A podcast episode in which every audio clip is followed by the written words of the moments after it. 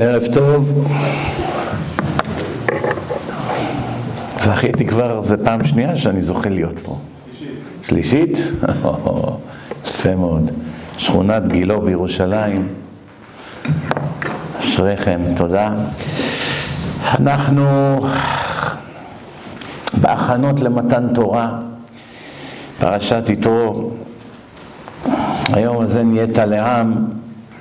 הילה והיומא כמה יוסף איכא בשוקא, יוסף, רבי יוסף אומר בגמרא, הם לא היום שקיבלנו תורה, כמה כמוני יוסף היה בשוק כמו זבל. מה, ברוך השם עכשיו שקיבלנו תורה, כמה כבר כאלה יוסף יש, אחד למיליון אפילו לא תמצא. יש בעולם בסביבות 80 אלף דתות וכתות, שכמובן כולם שקר אחד ענק. שקרים בלי סוף, טעויות בלי סוף, סתירות בלי סוף, דברים מגוחכים בלי סוף. יש רק דת אחת שהיא דת אמת. תורה הקדושה, יהדות, זו האמת. כולם מנסים לחקות אותנו. אני רוצה להגיד לכם הבדל אחד בינינו לבינם. בכל דת אין חיוב להיות תלמיד חכם. אתה רוצה להיות מוסלמי? תהיה אנאלפבית. יש לך שאלות? תשאל שם את האיש דת שלהם. האימאם. תבוא תגיד לו מה לעשות, יגיד לך, זהו. לא מתייחסים אליך כפושע. אתה בא לשאול. נוצרי, לא יודע כלום, מהספר המטופש שלהם, הולך לכומר, שואל מה לעשות, למרות ששם הכל מותר, אבל נגיד שהוא שואל מה לעשות, ואומר לו מה לעשות. אף אחד לא מתייחס לאותו נוצרי כפושע. אולי הוא דוקטור, אולי הוא איזה עורך דין, אולי הוא שופט בבית משפט חילוני. מתייחסים אליו בכבוד. יש רק דת אחת בעולם שמי שלא בקיא בה, והוא לא נהיה תלמיד חכם והוא נשאר בור ועם הארץ, כל רגע בחייו הוא פושע. זה היהדות. פושע כל רגע בחייו.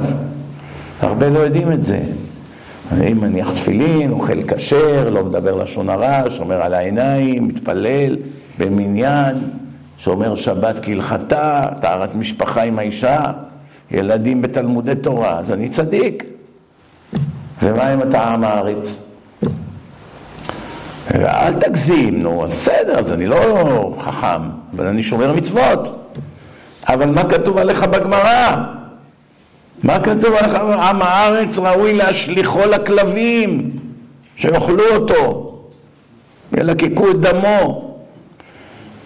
הגמרא אומרת, אחד שמחתן את ביתו לעם הארץ, אחד שמחתן את ביתו לעם הארץ דומה כאחד שקושר אותה לעץ מול אריה רעב וטורף שהאריה נוגח, קודם כל נותן נגיחה, מהמם את הקורבן שלו ואז קורע אותו לגזרים, ככה גם עם הארץ. הגמרא משווה בין עם הארץ לחיית טרף. אם אתה מחתן את הבת שלך לעם הארץ, זה כמו שקשרת אותה לעץ והאריה לא אכל שלושה ימים, מה יקרה לה? מה יעשה לאריה? זה הכוונה, עכשיו שיש אנשים קוראים את הגמרות האלה, הם לא מבינים מה מדובר. מה הפירוש? על איזה עם הארץ מדברים חז"ל? על ראש הממשלה ביבי, על שר הביטחון גלנט, על אה, אהרון ברק שהם רשעים ירכב ראש הבג"ץ, פרופסור למשפטים, על המנתח פה באיכילוב או בהדסה עין כרם. אלה עמי ארצות. לא מדברים עכשיו על איזה ירקן בשוק שבחיים לא הלך לבית ספר. מדברים על המלומדים יעני, המשכילים, האקדמאים, לא יודעים משנה אחת לפרש. משנה אחת לא יודעים, מה שילד בן ארבע יודע כבר חמש, הם לא יודעים. היום אני כבר מוסיף על זה שהם גם לא יודעים לקרוא. ואני עד שאף חילוני לא יודע לקרוא. אף אחד. כולל מורים. אני רואה אותם בדרשות שלי, אני מביא להם רמב"ם, תקרא, תראה כמה טעויות. אני בבית כנסת אצלי, באים לפעמים נגיד בשבת 50 איש, 40, 30, תלוי בשבת. בית כנסת ביתי.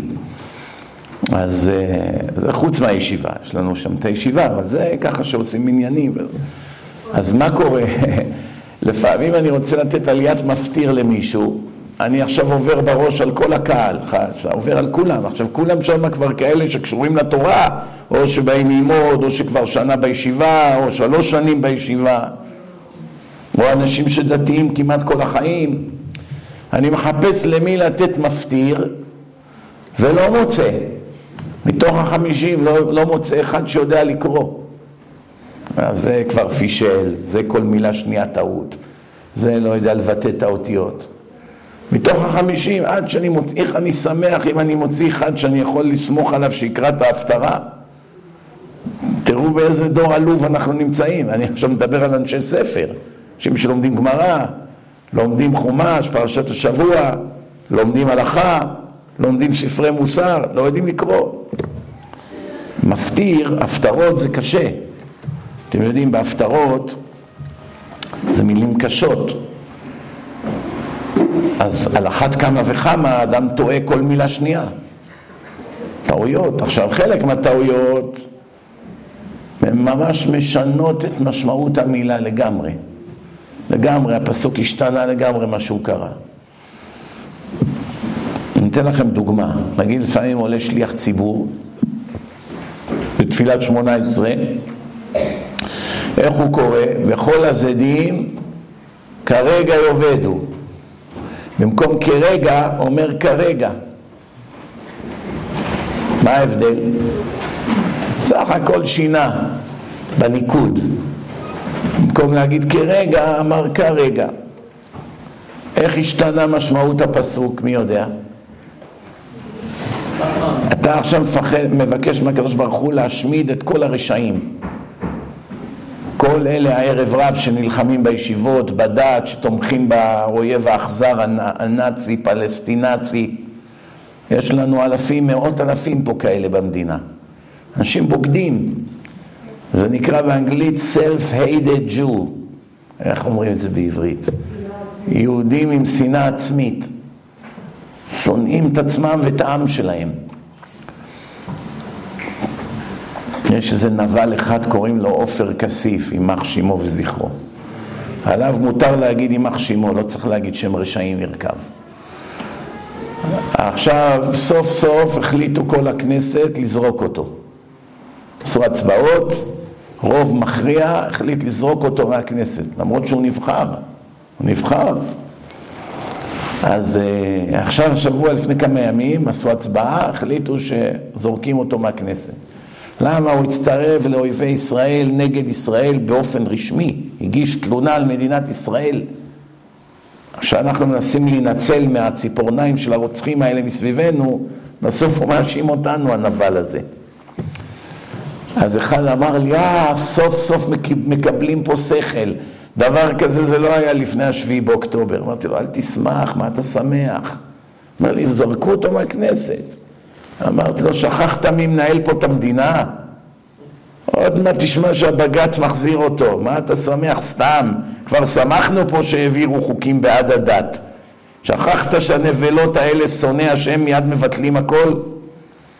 תכף תשמע עוד כמה ימים, הוא בא לבג"ץ, לחבר'ה שלו, בבקשה, תחזור לתפקידך. זה לא דמוקרטי. לזרוק את בן ארי, לזרוק את הרב כהנא, לזרוק אוהבי השם, אוהבי ארץ ישראל, אוהבי תורה, זה לגיטימי. לזרוק אוהבי מחבלים, אנשים ששמחים שנשפך דם יהודי פה ברחובות, זה לא לגיטימי. מי יודע מה הולך פה? מה כאן קורה פה? מה השם עושה פה? מה? איך זה יכול להיות כזה דבר? זה נכתב לפני אלפיים שנה, ידעתם את זה?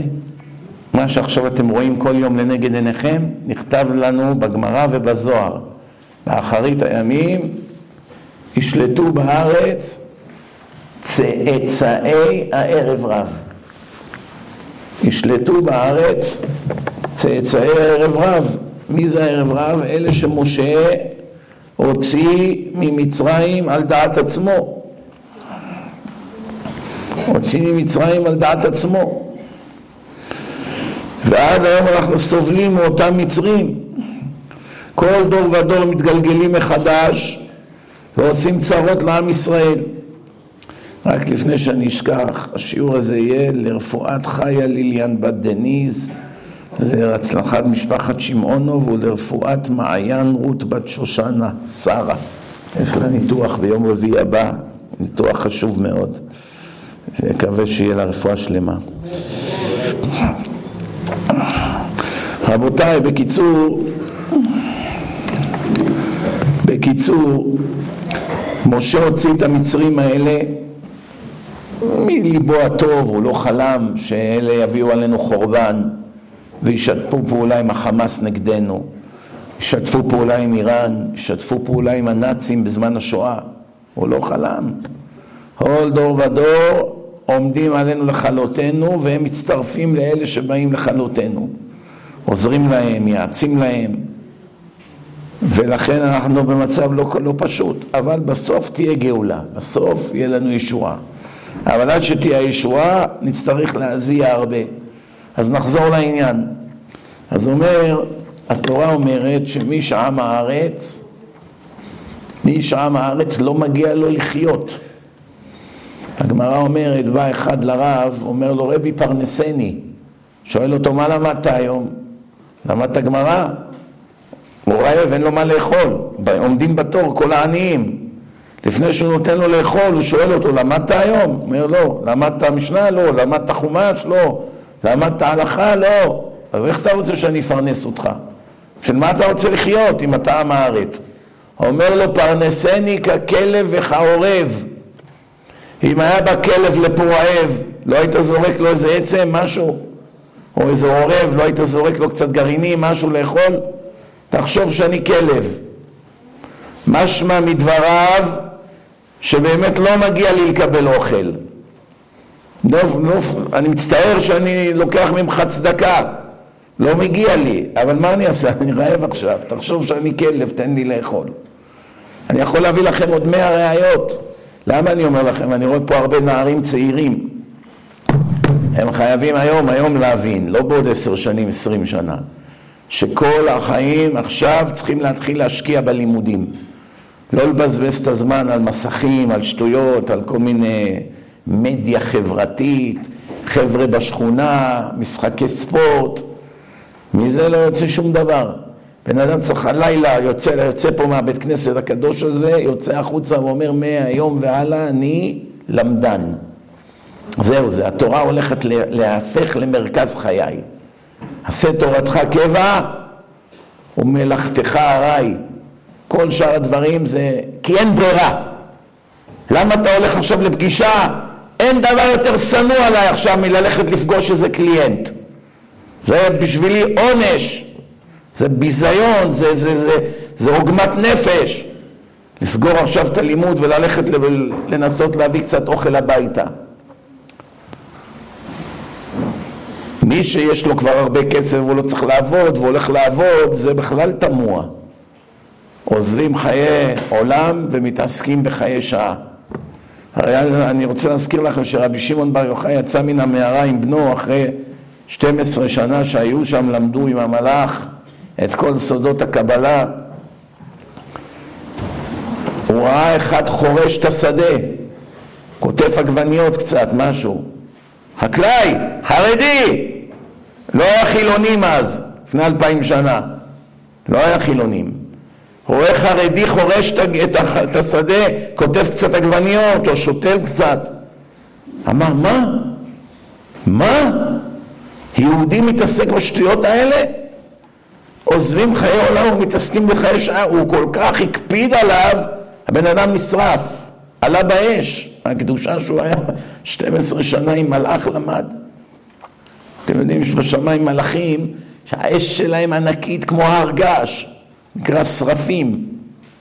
חיות הקודש, פחד פחדים, משה עלה, כתוב, יש מדרש שמשה עלה להר סיני, הוא ראה את המלאכים, את השרפים, את האופנים, הגלגלים, יש כל מיני סוגים של מלאכים. מיליונים של מלאכים, אש יוצאת מהם, משה התחיל לרעוד, רועד. אמר לו הקדוש ברוך הוא, החזק בכיסאי, תחזיק בכיסא שלי, אל תדאג, לא תיפגע. משה פחד, לא, קיבל הלם, שראה מה הולך בשמיים. מיד הקדוש ברוך הוא ראה שאם רבי שמעון בר יוחאי עכשיו יצא לרחוב, יראה יהודים עובדים, כולם ישרפו למוות. מה צריך חמאס? ישרוף את כולם. מיד החזיר אותו לעוד שנה למערה, למה? בשביל מה החזיר אותו לעוד שנה? להוריד ממנו את הקדושה, לקרר אותו. כי חביבי, אתה במדרגות גבוהות, הם מסכנים, הם לא במדרגות שלך. מתעסקים בעבודה, להביא פרנסה הביתה. אבל אם בן אדם מגיל צעיר מקבל על עצמו עול תורה, מה כתוב? כל המקבל על עצמו עול תורה, מעבירים ממנו עול דרך ארץ. מה זה עול דרך ארץ? חילונים שומעים את המילה דרך ארץ, מתרגמים את זה נימוס. זה לא, זה לא נכון. דרך ארץ זה חוקי המדינה, דינא דמלכותא. מה חוקי המדינה? צריך לסלול כבישים, צריך לשלם מיסים, צריך לשלם לביטחון, צריך לשמור בשערים. אז הגמרא אומרת, דרך ארץ קדמה לתורה. משמע, עוד לפני שקיבלנו תורה בהר סיני, כבר היה חוקים בכל מדינה ומדינה. לא חיכו 2,400 שנה מאדם הראשון עד שבורא עולם נתן תורה לעם ישראל. מה היה עד אז? היה הלכות, היה חוקים, אנשים קבעו חוקים, היה מלך, היה מלכות, היה צבא, אנשים מתגייסים לצבא, נלחמים תקופה מסוימת, משלמים, תשלומים, שמירות, סלילת כבישים, דרכים, צריכים להזיז אבנים, לגזום עצים, לנקות, לשמור על הסדר, שוטרים צריך. מה היה? היה דרך ארץ, קדמה לתורה. דרך העולם הכוונה. אז עכשיו אומרת התורה, כל המקבל על עצמו עול תורה, מעבירים ממנו עול דרך ארץ. יש אחד, זכיתי ללמוד איתו בצעירותי, ברוך אתה אדוני אלוהינו מלך העולם שהכל נהיה לדברו. היום הוא אב בית דין בבית שמש, גאון הגאונים. המית את עצמו על התורה. שלושים שנה הישיבה שלנו קיימת במונסי, בניו יורק, מונסי עיר הקודש. תדמיינו לכם עיר, רק חרדים גרים שם, אין שם חילוני אחד, וכל שכן אין אף גוי. והכל שם כמעט בתים פרטיים, קצת בקצוות יש בניינים קצת, ורק חרדים, שבת, אין מכוניות, אף אחד לא מסתובב, אף אחד לא מצפצף. אתה יכול להשאיר את הדברים בדשא, יש לך בית פרטי, יש דשא מקדימה, דשא מאחורה. להשאיר את הדברים בדשא, ללכת לארץ לחודשיים, לחזור, האופניים שם, הכלים שם, כל האוטו פתוח, הכל שם, אף אחד לא נוגע, אף אחד לא גונב. אני 15 שנה אין לי מנעול בדלת. אין מנעול, אי אפשר לנעול. נוסע, חוזר, הולך, שבתונים, אין מנעול. כל יכול לבוא לפתוח ולהיכנס. ככה העולם היה צריך להיות. אנשים הרסו את העולם. אם אנשים היו ישרים, לא היה צריך משטרה, לא היה צריך בתי משפט, לא היה צריך כמעט כלום. או שאם היה צריך, אז עשירית ממה שיש. כמה אנחנו מבזבזים על ביטחון, על שמירות, על אמצעי אבטחה, כמה אתה צריך לסבול שאתה מתקשר לבנק, שולחים לך קוד לטלפון, לא עבד, עוד פעם נתקשר, תשלחו עוד פעם, כל זה בגלל שאנשים רמאים. לא היה רמאות, מילה זה מילה, לחיצת יד זה לחיצת יד, צ'ק זה צ'ק.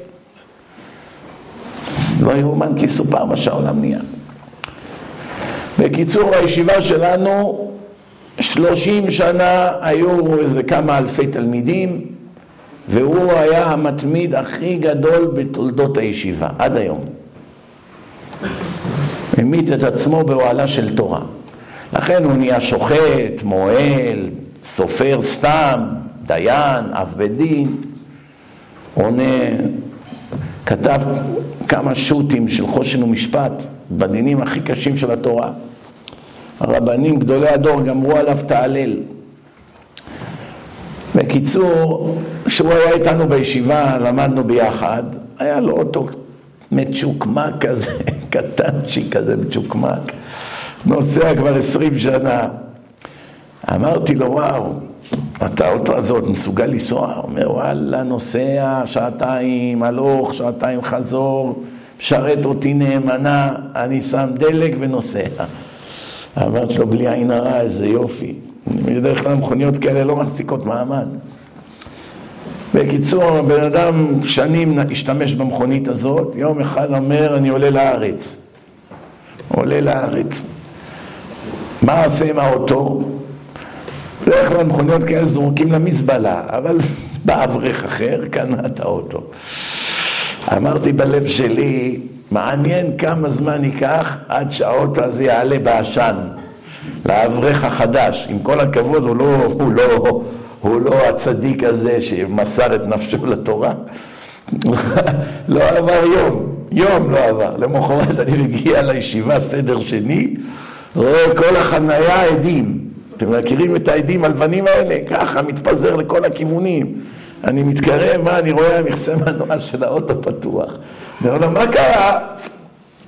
הוא אומר, רק אתמול קניתי את האוטו, פוצץ הרדיאטור. אמרתי לו, בטח, זה, אתה מכיר את הסיפור של נחום איש גמזו? שנים רבות היה בבית, הבית מתנדנד כולו, הגג עומד להתמוטט, העמודים רוקדים ימין, שמאל, חריקות. בסוף יום אחד אמרו בואו נוציא את נחום איש גמזו מהבית הזה. אמר רגע רגע, קודם כל, קודם כל אתם תצאו ותמשכו אותי מבחוץ. אל תדחפו, למה אחרי שאני אצא מהבית הוא ייפול לכם על הראש. הוא ידע שהסיבה שהבית עומד זה אך ורק בזכות הצדיקות שלו. כי לא הגיע לו למות, אז הוא מחזיק את הבית בדרך נס. אבל אם אני כבר יצא מסכנה, מפתח הבית, אלה שבפנים יקבלו את הגג על הראש. ובדיוק ככה היה. אז אני אומר לו, מה, אתה לא יודע שנחום איש גמזו, לכבודו הקדוש ברוך הוא עשה ניסים גלויים כל יום? זה הצדיק המתמיד, התקיימה בו האמרה של חז"ל, כל המקבל על עצמו עול תורה, מעבירים ממנו עול דרך ארץ, הוא לא צריך להתעסק בכלום.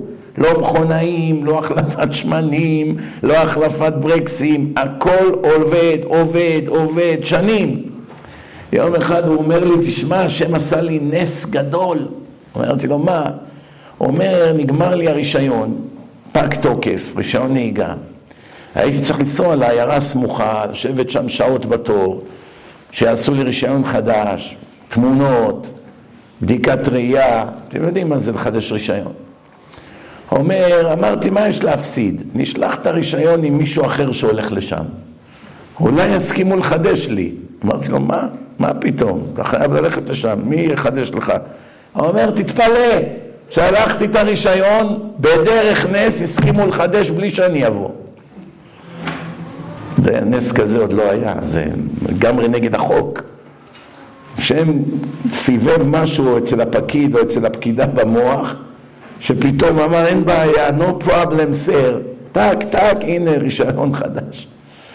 למה? כי בן אדם שלא מבזבז דקה ומת על התורה, חשקה נפשי בתורה, אז הקדוש ברוך הוא מסלק ממנו את כל הבלבולים, זה צריך לפה רופא, רופא שיניים, שלוש שעות לחכות פה, עכשיו באנו לכאן, למה איחרנו? אתם יודעים למה איחרנו?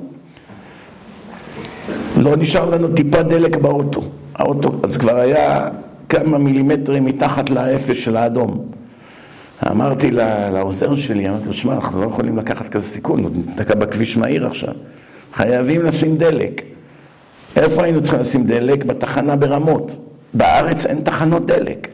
אתה יכול לנסוע שעה, אין אף תחנת דלק, אתה מחפש, זה לא כמו אמריקה, צומת אחת, ארבע תחנות ענקיות עם חמישים ברזים למלא. פה אין תחנות. אז יש ברמות תחנה אחת, שתי נתיבים, ארבע מתדלקים, עומדים שם שלושים מכוניות בתור, עד לרחוב. מה הולך פה? צריך לעמוד חצי שעה בתור כדי להיכנס לתחנת דלק. הדלק עולה. הדלק עולה, או, אמרתי לו, מה זה, איזה מין דבר זה? מה, לא יכולים לעשות עוד תחנות במדינה? הדלק עולה? נו, אז מה, ישלמו עוד שני שקלים מחר? בשביל זה מוכנים לעמוד רבע שעה בתור? לא משלם. אתה רואה, זה מראה לך שאנשים אין להם בכלל אמונה בקדוש ברוך הוא. עם כל הזקן שלהם והכובע הנחמד, אין להם אמונה בבורא עולם. אם הם מוכנים חצי שעה לשרוף בתור בשביל לחסוך חמישה, עשרה, עשרים שקלים, זה מראה שהם ודת אין ביניהם כל כך קשר. במציאות אין כל כך קשר. מה הם לא יודעים? הם לא יודעים דין, נשתכח מהם דין. כתוב, כתוב שהוצאותיו של אדם קצובות לו מראש השנה ועד ראש השנה. איך אומרים? מתשרי עד תשרי, חוץ מתשרי. מה זה תשרי? ת' תורה, ש' שבתות, ר' ראשי חודשים, י' ימים טובים. הכל על השם. כל הוצאות התורה, תלמודי תורה, מלמדים של הילדים, ספרים שאתה צריך ללמוד בהם, גמרות, הכל עליי. תקנה, אל תפחד. מה שצריך, אני אוסיף לך לתקציב השנתי. שבתות, תהדר, תקנה, אל תבדוק מחירים בסופרמרקט. יום שני אתה קונה משהו, תבדוק. מה זה, זה שני, שלושה שקלים, זה שלושה וחצי, ניקח את זה, אין בעיה. שער, שער השבוע. חמישי, אתה מתכונן לשבת, שישי אתה עושה קניות לשבת, אל תסתכל על המחירים. מה שטוב לשים בשולחן שבת, פשוט תיקח. אל תפחד, זה על חשבון השם. תחשוב שעכשיו הקדוש ברוך הוא נתן לך כרטיס אשראי, לך תעשה חשבון קניות על חשבוני. לא רק זה, אפשר גם להרבות, שיישאר לשאר השבוע. אני קונה את זה לשבת, ומה שיישאר נאכל בשאר השבוע. אז גם, אז גם זה יחזור. וגם אם אתה קונה חליפה, תקנה אותה לכבוד שבת, לא לכבוד החתונה של אחיך. לכבוד שבת, תלבש אותה בשבת לפחות איזה שעה, תשים אותה אחר כך בצד בשביל החתונה, גם החליפה יוסיפו לך את זה לתקציב השנתי, זה גם על חשבון השם. ככה זה לכבוד ראש חודש, לכבוד ימים טובים, לכבוד שבתות, כל תלמודי התורה, הכל עליי.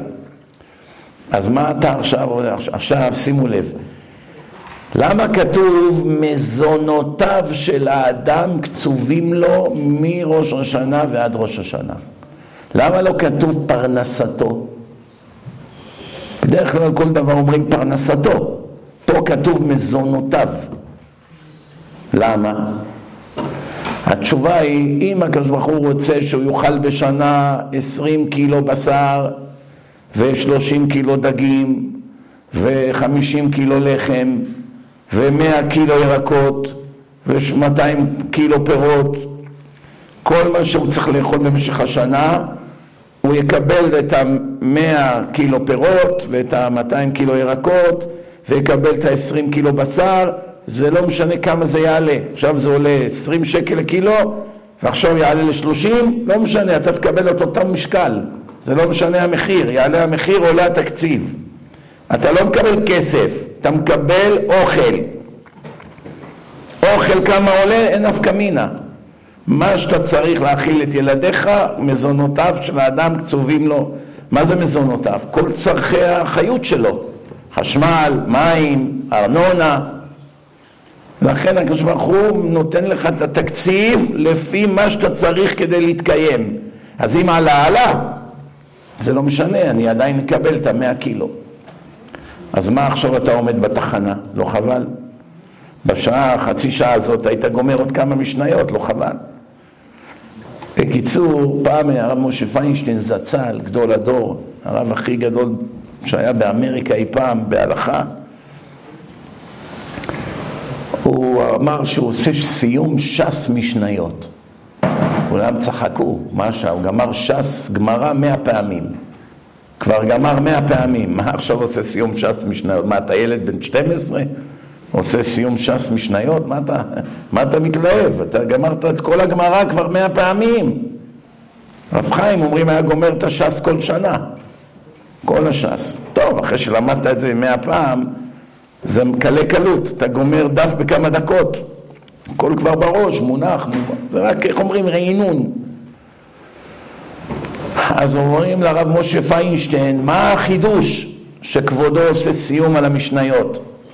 הביא קצת כיבוד וזה. אמר להם הרב משה פיינשטיין, הש"ס הזה שגמרתי משניות הוא מיוחד מאוד בשבילי. למה? כי את המשניות האלה למדתי בזמן שקיפלתי את התפילין אחרי תפילת שחרית. כמה זמן לוקח לקפל את התפילין? בערך דקה, נכון? עד שאתה מכניס לנרתיק, סוגר. אז הוא אומר כל בוקר במקום לדבר, להסתכל, מה עניינים, מה קורה, קר בחוץ, חם בחוץ, מה שלומך, מה שלום אחיך, במקום לבלבל את המוח, בזמן שאני הייתי מקפל, עושה עוד משנה שתיים כל יום. וככה במשך הלימוד, במשך הקיפולים, נוסף לי עוד ש"ס משניות, אני מרגיש שזה בונוס. בזמן שכולם מבזבזים, אני אספתי לי עוד סיום הש"ס. בזמן שקיפלתי את התפילין. פעם היה איזה אחד, כוסס בישיבה.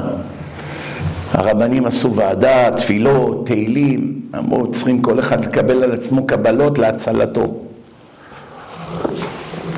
אמר אחד, אני אעשה רשימה. בא לרב הזה, כבוד הרב, מה אתה נותן לרפואתו? אני תורם פרק בגמרא. טוב, פרק שלם אני אלמד לרפואתו. מה אתה תורם? אני אגמור את כל התהילים. מה אתה אומר? אני אגמור מאה משניות לרפואתו. מה אתה? אני אעשה שניים מקרא אחד תרגום. עם רש"י כל השנה לרפואתו. נו, אסף רשימה מכובדת. בא לזה אחד חכם, מה כבודו תורם לרפואת התלמיד? אומר לו, אני נותן לך דקה מהלימוד שלי כל יום. אומר לו, דקה? מסתכל עליו, אומר לו, מה? מה חשבת? אומר לו, אתה יודע מה אני עושה בדקה? כל יום דקה. קל בעיניו. זה שעושה את הרשימה, שמע דקה זלזל. כמה מצוות זה דקה? מי יודע? דקה של לימוד תורה, כמה מצוות? חפץ חיים עשה חשבון. שעה לימוד תורה שווה שישים אלף מצוות. דקה זה אלף מצוות דאורייתא. הנה אנחנו יושבים פה כבר שעה, לא, ארבעים וחמש דקות. ארבעים וחמש דקות אני מדבר בערך, ארבעים דקות. כל דקה אלף מצוות. כבר עשינו ביחד כולנו ארבעים אלף מצוות. איך החשבון? תשמעו טוב. אדם ממוצע מדבר 200 מילים בדקה. מילה ממוצעת יש בה חמש אותיות, 200 כפול חמש זה אלף אותיות בדקה. ואם זה הרב מאיר אליהו זה אלפיים בדקה. יש לו שם איזה מכונת עירייה שם, היא עובדת על כפול. רוב הרובים יורים כדור אחד, אצלו זה בצרורות, שתיים, שתיים. בקיצור, אז אדם אה, ממוצע מדבר 200 מילים בדקה ואלף אותיות, וכל אות זה מצוות עשה דאורייתא, כל אות, כל תיבה שיוצאת לו מהפה, כל אות נחשב מצווה. עכשיו תחשוב, אתה יושב דקה לומד תורה, אפילו קראת דף בחומש, זה כבר אלף אותיות, נחשב כאילו הנחת תפילין בדקה הזאת אלף פעמים. איך אנחנו מתרגשים? עכשיו אתה מניח תפילין נגיד, וואו איזה מצווה, תפילין של יד, של ראש, שתי מצוות דאורייתא כל יום. איך מתרגשים? יש מישהו שמוכן לעבור יום בלי להניח תפילין? יהפוך עולמות ולא יוותר על תפילין. אבל ביני לבינכם, השכר של הנחת תפילין הוא יותר ממיליארד דולר. יותר. בשמיים השכר על פעם אחת שאתה מניח תפילין זה יותר ממיליארד דולר. כמובן, הקדוש מפרש את זה למשהו רוחני, אבל מבחינת ערך, אני אומר לכם, זה מעל מיליארד דולר. עכשיו תגידו לי אתם, אם אדם יזכה במיליארד דולר בלוטו, מה הוא עושה? רץ ברחובות, צורח, קופץ על הגדרות, כמו איזה בבון, מטפס. מה אתה עושה, משה? יש! מה? נהייתי מיליארדר! איזה צעקות, איזה שאגות. יש כאלה, הרוויחו מיליארד דולר, אז הם צועקים, קופצים, כמו בבונים. ויש כאלה, איזה שחקן מטופש שהגיע מאפריקה, בועט בחתיכת סמרטוט מאור, פוגע בחתיכת סמרטוט של רשת, וככה איזה ירושלמי קופץ על הגדרות, אה, מה קרה משה? מה, יש אלוקים. מה קרה? הניגרי של ביתר, מתן ביתה נכנס, נו, ומה הרווחנו מזה? וואלה, לא חשבתי על זה, באמת לא הרווחנו כלום. מה הרווחנו? נהיינו יותר מטומטמים. ועוד בשבת. מילא טמטום, יום שני, שלישי, בסדר, מטומטם. תראו, אה, חכם בן ציון, אבא שאול זצ"ל, אמר, עד היום, זה היה לפני שלושים שנה שהוא אמר את זה, אולי קצת יותר, עד היום מי שהיה גאוותן היה רשע. כתוב בתורה, תועבת השם כל גבל לב. מי שמחזיק מעצמו מתועב בעיני השם. אמר חכם בן ציון, מהיום זה סך הכל טמטום. עד היום זה היה רשעות. מהיום זה טמטום. מי הבין? מה הוא אומר הרב? הוא לא מוציא מילה מיותרת מהפה. זה הוא אמר בשיעור. מי הבין? הבנתם מה הוא אמר או לא? אני חוזר למי שרדום. מה התחלת הגאווה הזאת, כאילו, טמטום, כאילו. נו, אז למה זה לא היה טמטום לפני מאה שנה? אז הוא חושב שזה משהו, היום זה בלי ערך. בלי ערך, פעם אולי זה היה איזה משהו כאילו, אבל עכשיו זה טמטום. אתה קרוב לתשובה, אבל לא נתת אותה עדיין. הסתובבת כעני המהפך בחררה, אבל לא נתת את ה... הרמת לי, אוקיי. אומר הרב בן ציון, מילא בזמן הבן איש חי, בזמן הגאון מווילנה, בזמן הארי הקדוש, היה על מה להתגאות. בן אדם גמר ש"ס 500 פעם, גמר שולחן ערוך 100 פעם, אנשים מסרו את נפשם לתורה, לא היה להם כלום חוץ מתורה. אז אחד שיודע את כל התורה ואת כל הקבלה, מסתכל על איזה עם הארץ בבוז. לפחות יש על מה. שואלים אותו, למה, למה אתה מסתכל עליו מלמעלה? איפה אני, איפה הוא, מה? הוא לא לומד שום דבר, אני גמרתי את כל התורה, אני השקעתי 40 שנה, 18 שעות ביום. אה, טוב, מבינים למה אתה מתגאה, אבל אסור! אבל אסור להתגאות! אה, כן, אתה צודק, עברתי איסור דאורייתא. זאת אומרת, אז זה היה רשעות, היום זה סתם טמטום. אתם מבינים מה הוא אומר? מי יש לו היום על מה להתגאות? אם עכשיו ייקחו איזה אברך שמחזיק מעצמו, פלפלן, מכירים את אלה? פלפלן, יכניסו אותו עכשיו לישיבה של הגאון מווילנה לפני 200 שנה. מה אתם אומרים? הוא יזכה בתפקיד של חלוקת תה לחכמים או לא? ייתנו לו לחלק תה או שיגידו לו לא עברת, נכשלת. במבדקים, במבדקים עלה בידינו שאתה לא ראוי להגיש תה לתלמידים. מה זה לא ראוי? אני גמרתי מסכתות שלמות, מה, מה זה? אתה לא ראוי עדיין להגיש תה בישיבה אצל הגאון. לך תחזור עוד חמש שנים, כבר תהיה יותר ברמה, ניתן לך, אולי גם ניתן לך לנקות כאן קצת הרצפה, לשטוף. תראו, אני אגיד לכם, התלמיד של הגאון מווילנה הכי מובהק שהיה, מי הוא? יד ימינו, תלמידו המובהק של הגאון מווילנה, מי הוא? הרב חיים מוולוז'ין, נפש החיים. הוא גם כן היה ענק מאוד. עכשיו אתם יודעים שיש לרב תלמיד מובהק שהיה דבוק אליו עשרות שנים, כל יום. אז אין אדם שהוא אוהב יותר מרבו, נכון? רבו קודם לו, רב קודם לכל דבר.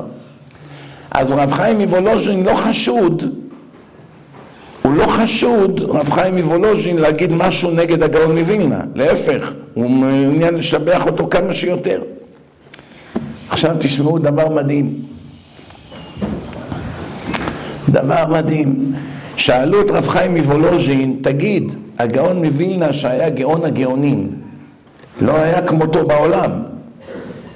אם הוא היה חי בזמן התנאים, הוא היה נחשב גם כן לחכם? תנאים שמוזכרים בגמרא.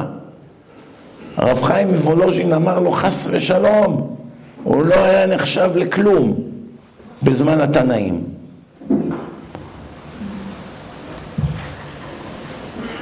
בעיות? לא שלנו. לא שלנו. כתוב ואהבת לרעך כמוך. אם עכשיו המצלמה שלו כבתה, היית אמור לבכות, לא לחייך. אבל אתה מתכונן כבר, מכין תרופה למכה. דרך אגב, ואהבת לרעך כמוך, מה, מה הפשט בפסוק? שמה שקורה לך ואתה בוכה, אם קורה לחברך אתה צריך לבכות באותה מידה? ודאי שזה לא נכון. כי הקדוש ברוך הוא לא דורש מהאדם דבר שהוא לא יכול לעמוד בו. דוגמה, עכשיו אדם מגיע לשכונה, בניין מגורים, רואה משטרות, אמבולנסים, אנשים בוכים, שכנים רצים, מה קרה? ילד נפל מקומה שלישית ומת, נפטר. הלב שלו ירד, אני גר בקומה שלישית. איזה צד של הבניין? הנה מפה, וואי, יש שתי דירות, אני והשכן. זה כבר 50 אחוז סיכוי שזה הבן שלו, יש לו תינוק קטן.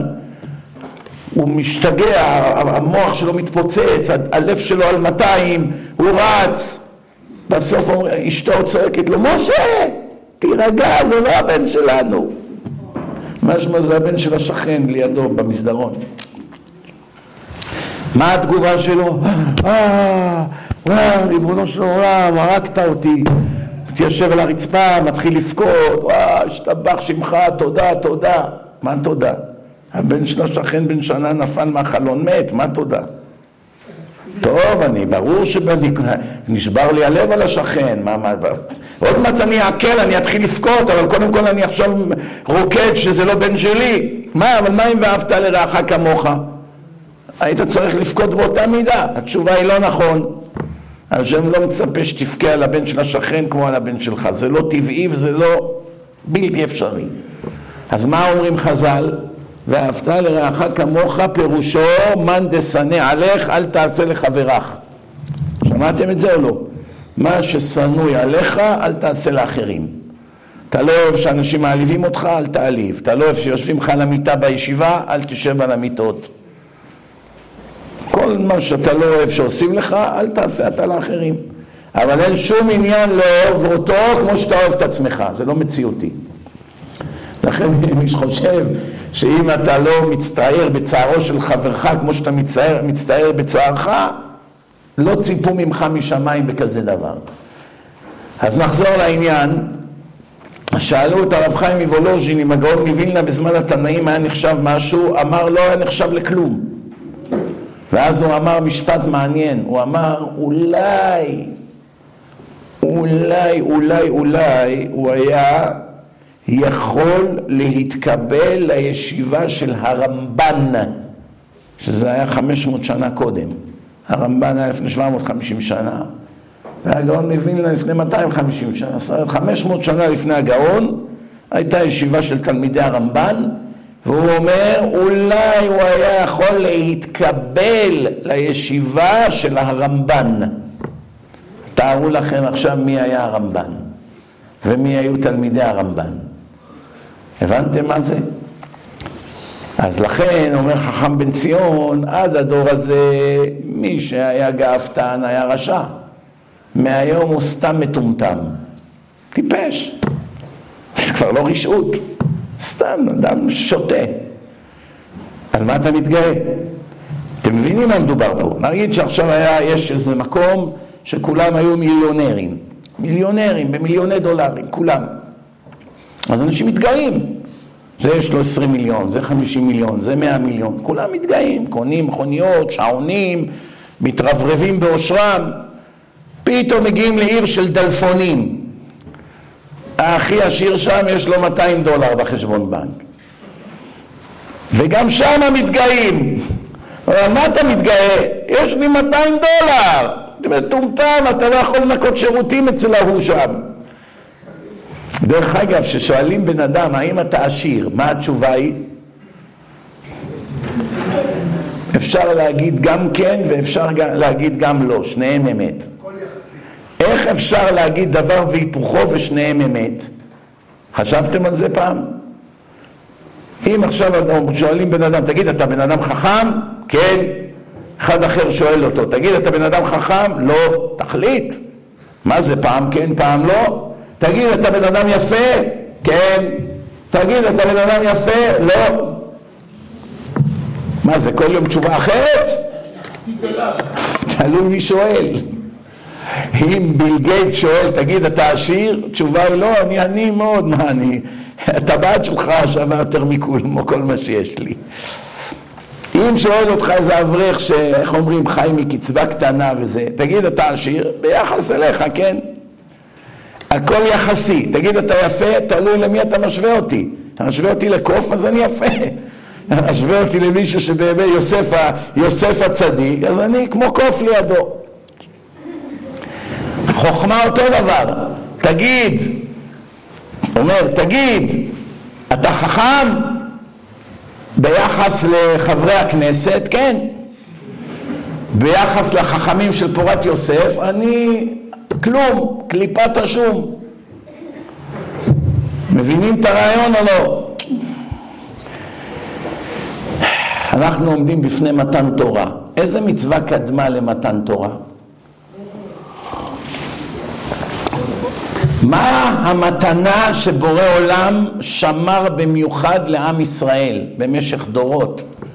הוא כל כך התרגש על הרגע הזה שסוף סוף הוא עומד לתת לבניו את הדבר הכי יקר לו שהוא בא למשה ואמר לו מתנה לי בבית גנזי המקום הגנוז, הכספת, הכספת הסודית מתנה לי בבית גנזי, ברצוני לתנה לבני ישראל, לך והודיעם. ממתי צריכים להודיע לבן אדם שהוא מקבל מתנה? בדרך כלל עושים מתנת פתע, הפתעה. מתנות נותנים בהפתעה, לא מודיעים מראש אני עומד לתת לך מתנה. טוב, כשאתה קונה למישהו בושם, לא צריך להודיע מראש. אתה מביא פרחים, גם לא צריך להודיע. בקבוק יין לשבת, לא צריך להודיע. אבל כשאני נותן לך את הדבר הכי יקר בעולם, צריך הכנה, שלא תזלזל. היי, אני מחר עומד לבוא ולתת לך משהו ענק, תתכונן. תהיה מוכן נפשית, שכלית, פסיכולוגית. מה המתנה בורא עולם? את יום השבת. אני הולך לקרות איתכם ברית, אני הופך אתכם באופן רשמי לבנים שלי, אני הופך אתכם ליהודים. כדי להיות יהודי צריכים שתי תנאים, הרבה לא יודעים את זה. אפילו אנשים עם כיפה על הראש לצערי לא יודעים את זה, לא יודעים, לא לומדים. כמה דתיים עושים דברים הפוך מהתורה. מה הם שני התנאים שצריכים כדי להיות יהודי, מי יודע? אם אין לך את אחד משני התנאים, אתה לא נחשב יהודי בשמיים. תנאי ראשון זה יודעים כולם, כמעט כולם. צריך שאימא שלך תהיה יהודייה. אימא שלך יהודייה, סבתא שלך, זאת אומרת אימא של אימא שלך יהודייה, אימא של אימא של אימא שלך יהודייה, וכן על זה הדרך. שהצד, השושלת שלך מצד האימא, כולם יהודיות. אימא, סבתא, אימא של סבתא. מצד האבא, זה לא משפיע על היהדות. משפיע בדברים אחרים, אבל אם האבא גוי והאימא יהודייה, אתה יהודי מבחינת האימא. טוב, אבל צריך עוד תנאי. תנאי אחד לא מספיק, על פי שני עדים יקום דבר. מה התנאי השני? חייב שתהיה שומר שבת כהלכתה. מי שלא שומר שבת לא נחשב ליהודי בשמיים. זה כתוב שבע פעמים בשולחן ערוך, בשבע מקומות שונים. מחלל שבת הרי הוא כגוי לכל דבר. אין שום הבדל בינו לבין גוי. את הגוי לא קוברים ביחד עם יהודים, אותו אי אפשר לקבור ביחד עם יהודים, צריך לשים גדר בינו לבין השומרי שבת. כתוב אין קוברים רשע עם צדיק, אסור לקבור אותו. אם קברו בטעות מחלל שבת בחלקה של שומרי שבת, חייבים לפתוח את הקבר ולהעביר אותו משם. אתם יודעים מה זה, איזה ביזיון זה לפתוח קבר של מת? הוא חודש קבור שם, פתאום אומרים, תשמע, אחד מהאנשים שקברנו פה התברר שהוא לא היה שומר שבת. מה אומר הרב? אין מה לעשות, הלכה זה הלכה, אנחנו לא, אנחנו לא יכולים לסלף את התורה. התורה אומרת שאסור לקבור מחלל שבת בין שומרי שבת. תפתחו את הקבר, תעבירו אותו לוויה חדשה, מעבירים אותו לחלקה של מחללי שבת. כל בית קברות רבני חרדי בארץ מקפיד על זה. יש בתי קברות של העיריות, הם לא אכפת להם מההלכה, קוברים את כל מה שבא ליד. אנחנו מדברים מה התורה אומרת, לא מה אנשים עושים. מחלל שבת נגע ביין, אסור לשתות ממנו, יין נסך. מחלל שבת עשה קידוש, לא יצאת לידי חובה. זה כמו שהערבי עשה קידוש, לא יצאת לידי חובה. אתה צריך לחזור ולקדש מחדש. לחזור ולקדש. מחלל שבת העיד בחתונה שלך, אתה לא נשוי. יש לך ילדים, זה ילדים מחוץ לנישואים. מה אתה מדבר? היה לי חופה, 500 איש רקדו עם הרבנים אצלי בחתונה. באו רבנים להגיד מזל טוב, מה זה נוגע לעניין? שני העדים שראו ששמת טבעת על היד של אשתך, אחד מהם היה מחלל שבת. משחק בטלפון בשבת, מדליק כל מיני מכשירים בשבת, מעשן, נוסע באוטו, כותב, תופר, עושה כל מיני דברים שאסור לעשות בשבת. ולכן הוא נחשב לגוי, וגוי שמעיד בחתונה של יהודי, היהודי לא נשוי. ויש עוד הרבה.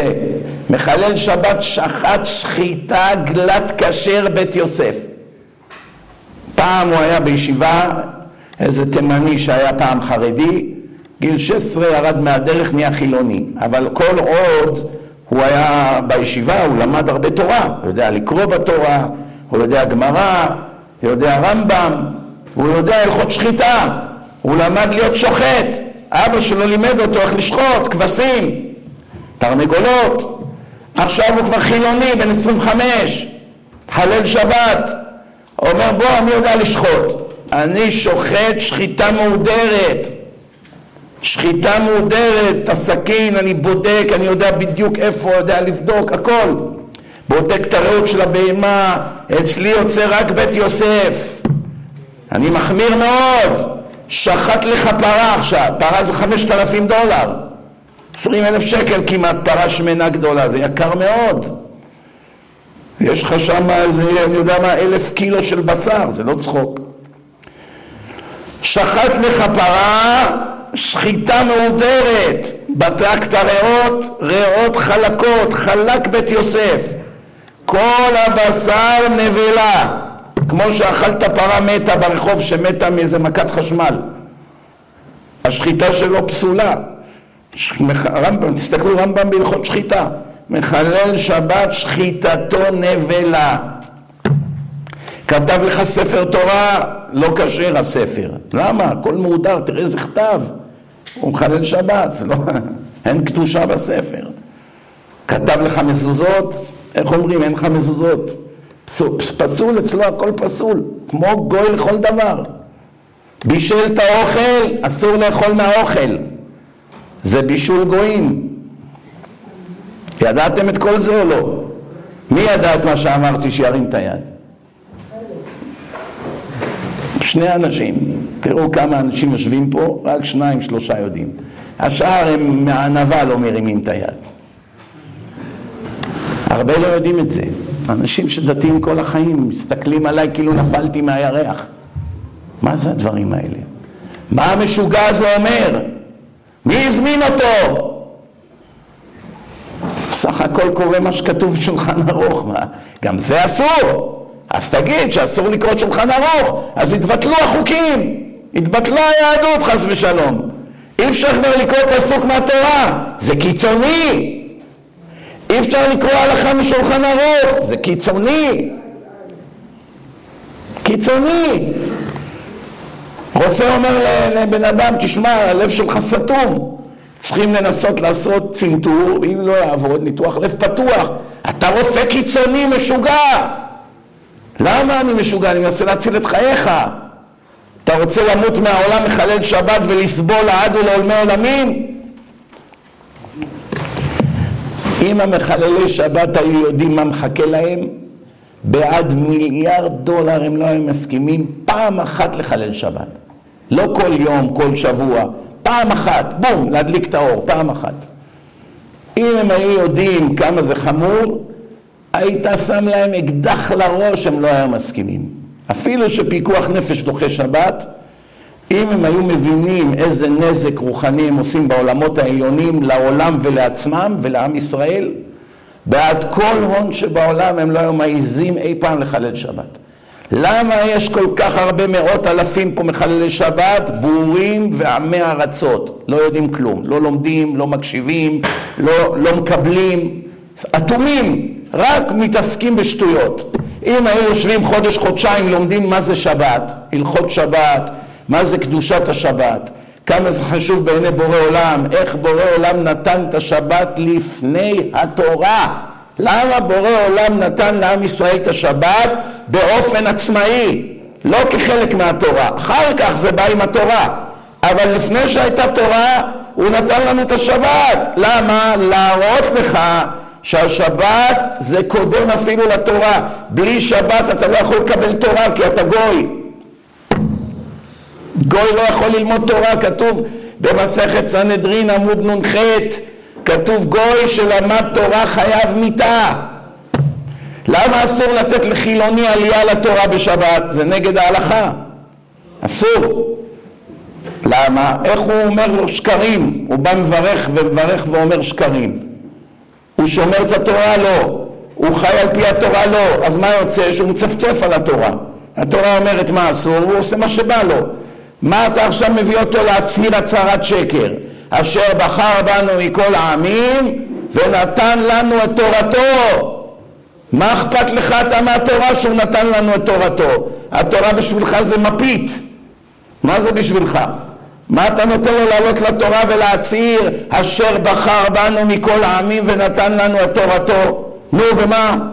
מה אכפת לך מתורתו? הרי אתה מצפצף על התורה שלו. מה אתה עכשיו עומד לפני כל הקהל בשבת ומצהיר ברוך אתה השם אלוקינו מלך העולם אשר נתן לנו את תורתו תורת אמת תורת אמת עוד הוא אומר וחיי עולם נטע בתוכנו ובסוף אומרים לו כן תורת אמת אז למה אתה מצפצף עליה? כתוב בתורה מחלל שבת מות יומת מות בעולם הזה יומת לחיי הנצח ונכרתה הנפש ההיא מעמיה כורתים את נשמתו לעד ולעולמי עולמים מה אתה נותן לנו סיסמאות, תורת אמת, חיי עולם נטע בתוכנו, מה, איך זה עוזר לך? אתה נחרט מחיי עולם. הבנתם למה אסור? כתוב במשנה ברורה בחפץ חיים על השולחן ערוך מחלל שבת אינו מצטרף לשום דבר שבקדושה. אי אפשר לכלול אותו כאחד מעשרה. יש עכשיו תשעה איש יום כיפור, רוצים להוציא ספר תורה. יום כיפור, רוצים להוציא ספר תורה. יש רק תשעה שומרי שבת בבית הכנסת. ויש עוד חמש מאות מחללי שבת, נוסעים בשבת. תשעה אברכים, חמש מאות חילונים. בית כנסת, יום כיפור, זה מצוי. יש הרבה מקומות כאלה בעולם. בית כנסת של חילונים.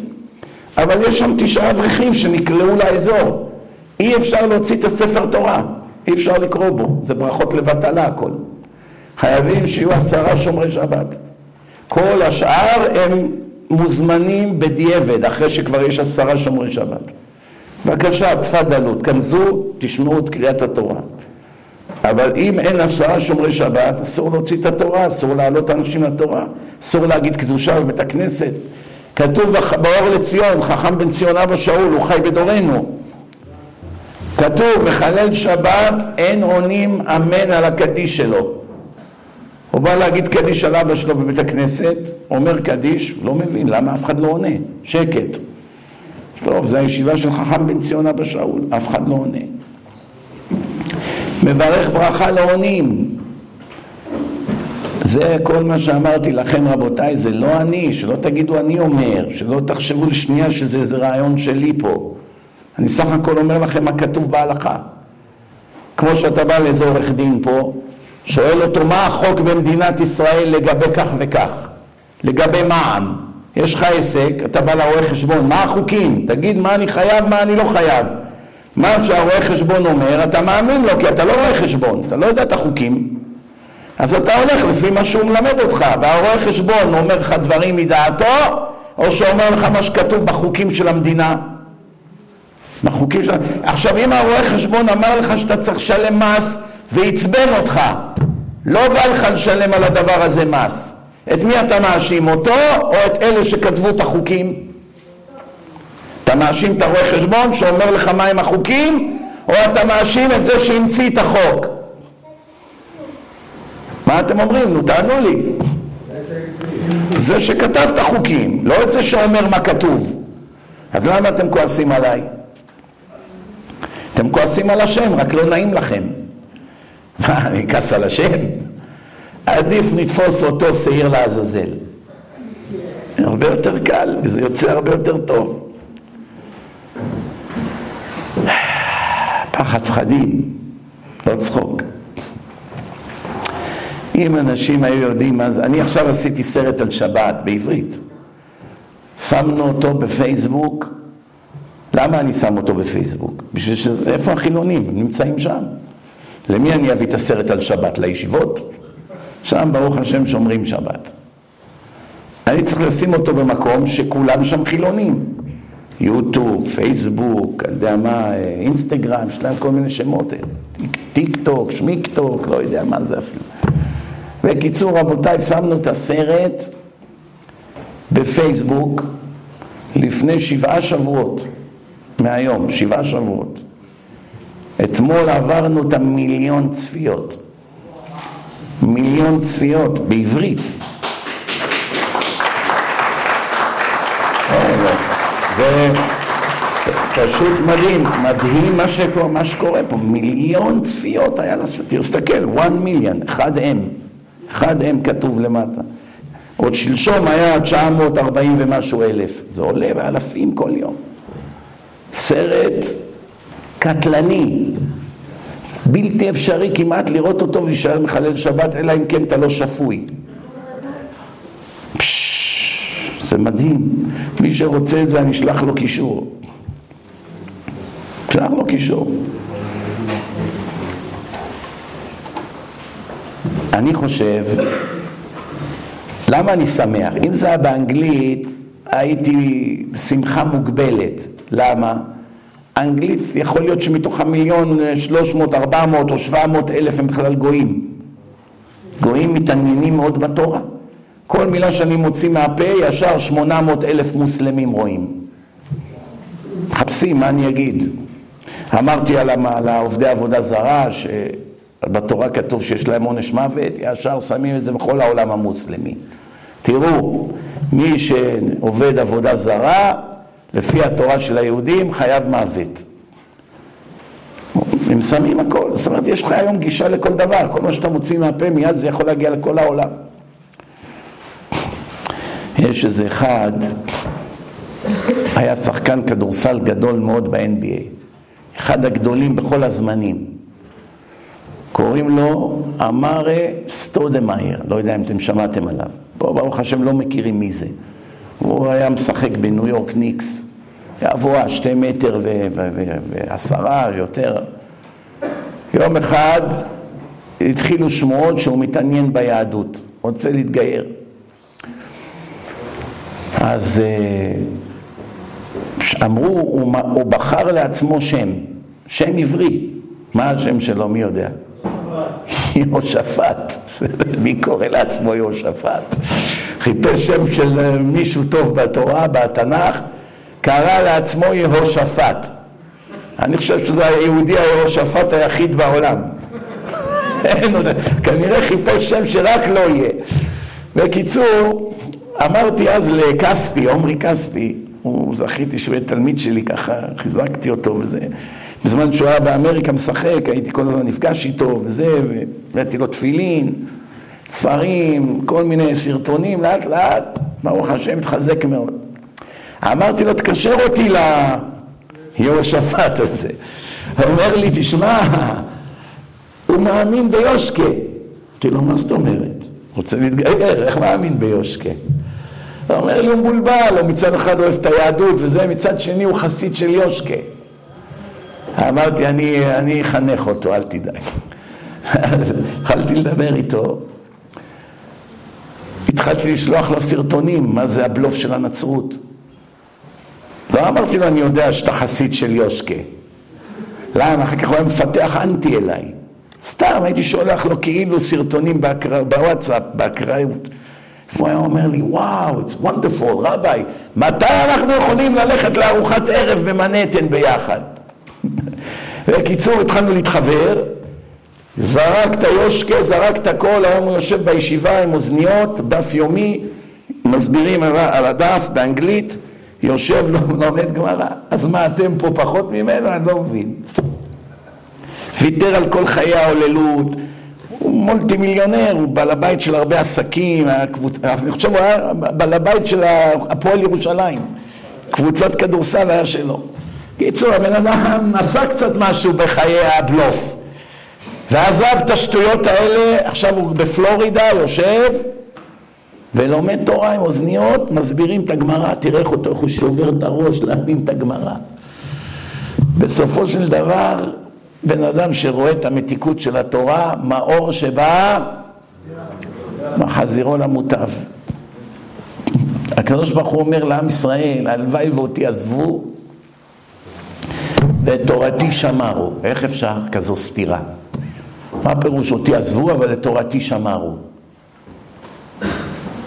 אתם יודעים, בדור הקודם היו אנשים אפיקורסים, בעטו בתורה, אבל היה להם הנאה בללמוד גמרא. היו יושבים בשבת עם סיגריה ולומדים גמרא בשביל הכיף. לומד דברי אלוקים חיים ומעשן בזמן שהוא בשבת עושה איסור כרת וסקילה. זאת אומרת, יש מציאות שאדם ייהנה מלימוד תורה ויהיה חלאת המין האנושי, רשע מרושע. יש מציאות כזאת. עובדה שחז"ל אומרים בגמרא, תלמיד חכם שמידותיו רעות, נבלה סרוחה בשוק טובה ממנו. אתם יודעים מה זה תלמיד חכם בזמן חז"ל? קח את כל הרבנים בעולם, שים אותם על המשקל, קח רב אחד בזמן חז"ל, בזמן התלמוד, שקוראים לו תלמיד חכם, רבי עקיבא, רבי שמעון, רבי יוחנן, לא משנה מי, שים אותו על הצד השני של המשקל, מכריע את כולם. זה תלמיד חכם בלשון חז"ל, לא בלשון העיתונים. העיתונים החרדים היום מכתירים מי תלמיד חכם. לוקחים איזה עם הארץ עם יחסי ציבור והופכים אותו לגדול הדור. עזבו אותנו השטויות האלה, מספיק להיות תמימים. שחז"ל אומרים תלמיד חכם, משמע אין דבר בתורה שהוא לא בקיא בו, בפרטי פרטים, כל דין ודין, כל סוגיה, הכל. אבל אם יש לו מידות רעות, יש לך חתול מת פה בשכונה, אוף, איזה סירחון, כולם בורחים. החתול עדיף עליו, ככה חז"ל אומרים. אתם לא חושבים שזה קצת מוגזם? זה קצת הקצנה, לא? בכל זאת, הוא תלמיד חכם, משהו מבהיל. אתה יודע, בקיא בכל התורה, ישב 60 שנה, למד בלי הפסקה, בלי שטויות, בלי מסכים, בלי כל מיני טיולים, בלי בין הזמנים. לא היה בין הזמנים אז. אני שואל, אתם לא חושבים שחכמים קצת הקצינו? אולי בכוונה. אתה יכול לקרוא לאדם כזה שבקיא בכל התורה, כל החיים שלו למד תורה, אתה יכול להגיד שעכבר מת בשוק עדיף עליו? צריך לברוח ממנו, כמו עכבר. או, מה הפשט?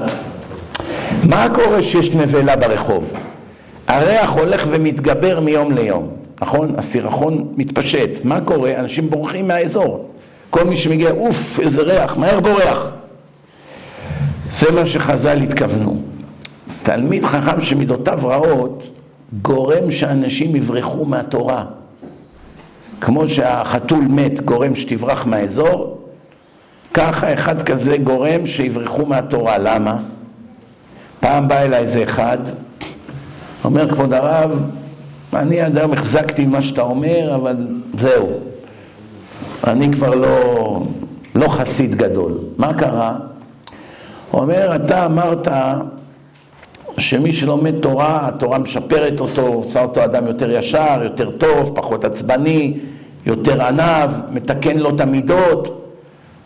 איזה חסיד אחד עכשיו עקץ אותי במאות אלפי דולרים. ניקה אותי, גמר עליי. אמרתי לו, אני אשאל אותך שאלה, בתורה כתוב שמותר לגנוב? אומר לא. אז אם הוא עשה עבירה מהתורה, למה אתה מאשים את התורה? לא הבנתי. יש תורה, התורה אמרה שאסור לגנוב, והוא עבר על חוקי התורה, אז, אז למה אתה אומר שה, שהתורה היא לא בסדר? לא הבנתי. בגלל שמישהו לא מציית לתורה, אז התורה לא בסדר. התשובה, מה הוא ענה לי? הוא אומר, כי אם זה היה נכון מה שאתה אומר, שמי שיושב ולומד תורה יום ולילה, הוא בן אדם יותר טוב, יותר מוסרי, אז הוא לא היה גונב. איך זה שהוא אחרי כל התורה שהוא למד בחיים שלו, יותר גרוע מאיזה גנב פרחח מהרחוב שלא יודע תורה. סימן שמה שאתה אומר שהתורה משפרת את האדם, זה לא נכון. שמעתם את הטענה או לא? מה הייתם עונים לו? איך זה יכול להיות שאדם למד עשרים שנה בישיבה והוא נהיה פוליטיקאי עלוב ונוכל ונכלולי ורמאי ואינטרסנט ומנצל אנשים ומבטיח ולא מקיים, נודר נדרים ולא מקיים. איך זה ייתכן כזה דבר? הרי התורה, מאור שבא מחזיר עולם מוטב כתוב. מה זה הלוואי ואותי עזבו ותורתי שמרו? לא, אז אני אומר, מה זאת אומרת הלוואי ואותי עזבו ותורתי שמרו? למה? מילא אתה עכשיו כועס עליי, לא נתתי לך זיווג, לא נתתי לך בית, לא נתתי לך אישה, אתה נשוי כמה שנים, אין לך ילדים, אתה מקפיד עליי, בסדר, עזוב אותי, אבל אל תעזוב את התורה. למה? התורה תמיד תדאג באיזושהי נקודה שתגיע לאיזה קטע שהוא נוגע אליך, לדחוף אותך חזרה לדרך הישר. לפי הכלל הזה, כל מי שלומד תורה לא יכול לעולם היה להיות רשע.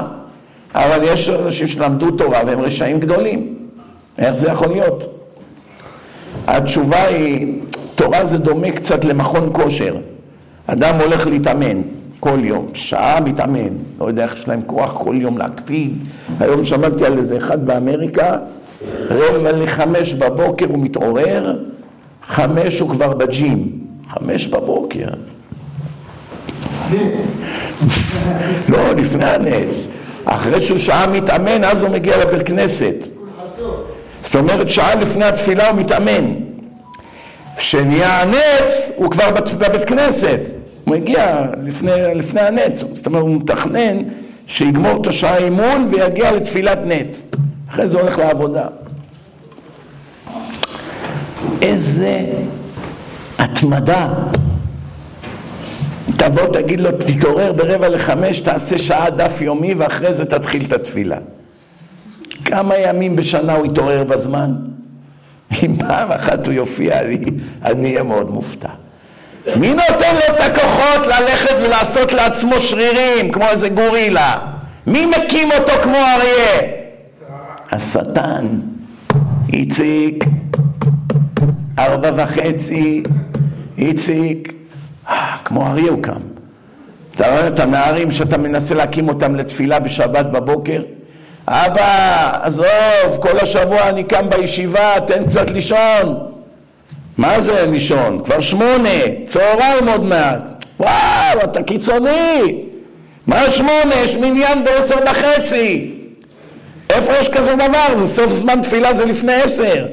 עושים פה מניין באיזה בית כנסת. עשר וחצי מתחיל. מתי מסיימים? אחרי מנחה. אוכלים את הצ'ולן באמצע תפילת שמונה עשרה. העצלות זה מידה רעה מאוד. מה ההלכה הראשונה בשולחן ערוך? ההלכה הראשונה בשולחן ערוך זה פגז RPG נגד העצלות. להתגבר כארי. קום כמו אריה, לא לג'ים, לישיבה, לתפילה, לבית כנסת. אה, השטן מרדים אותו. השטן יש לו ספרי. הוא עובר בבוקר, כולם נרדמים. יש איזה רב אחד מצחיק קצת, הוא מהליטאים האלה, אתם מכירים אותם? הקפדנים, הכל על שניות וזה. יקם, יקים. אחד בא לבית כנסת של יקים, הוא מי הגבאי? אומרים זה. אומר, ערבית זה עכשיו, לא, מה יריב? מה יריב עכשיו? הגבאי אומר לו, לא, עכשיו. מה אתה מקדים לנו בחמש שניות, משנה סדרי בראשית? איך אומרים שם הכל על המילימטר? קנו שעון אטומי בבית כנסת, שעון אטומי, שלא יהיה שנייה אחת זיוף. פעם אני, לפעמים אני הולך להתפלל איתם בשבת בנץ, בא לי הצדיק הזה, שלא תבינו נכון, זה צדיק אדיר, עבודת השם שלו היא במדרגות ענקיות. אז הוא אומר לי, לפני התפילה הוא בא, הוא לוחש לי באוזן, מה שכתוב בלוח, שהנץ זה 6, 42 ו-35 שניות, זה טעות. זה 6, 32 ו-45 שניות.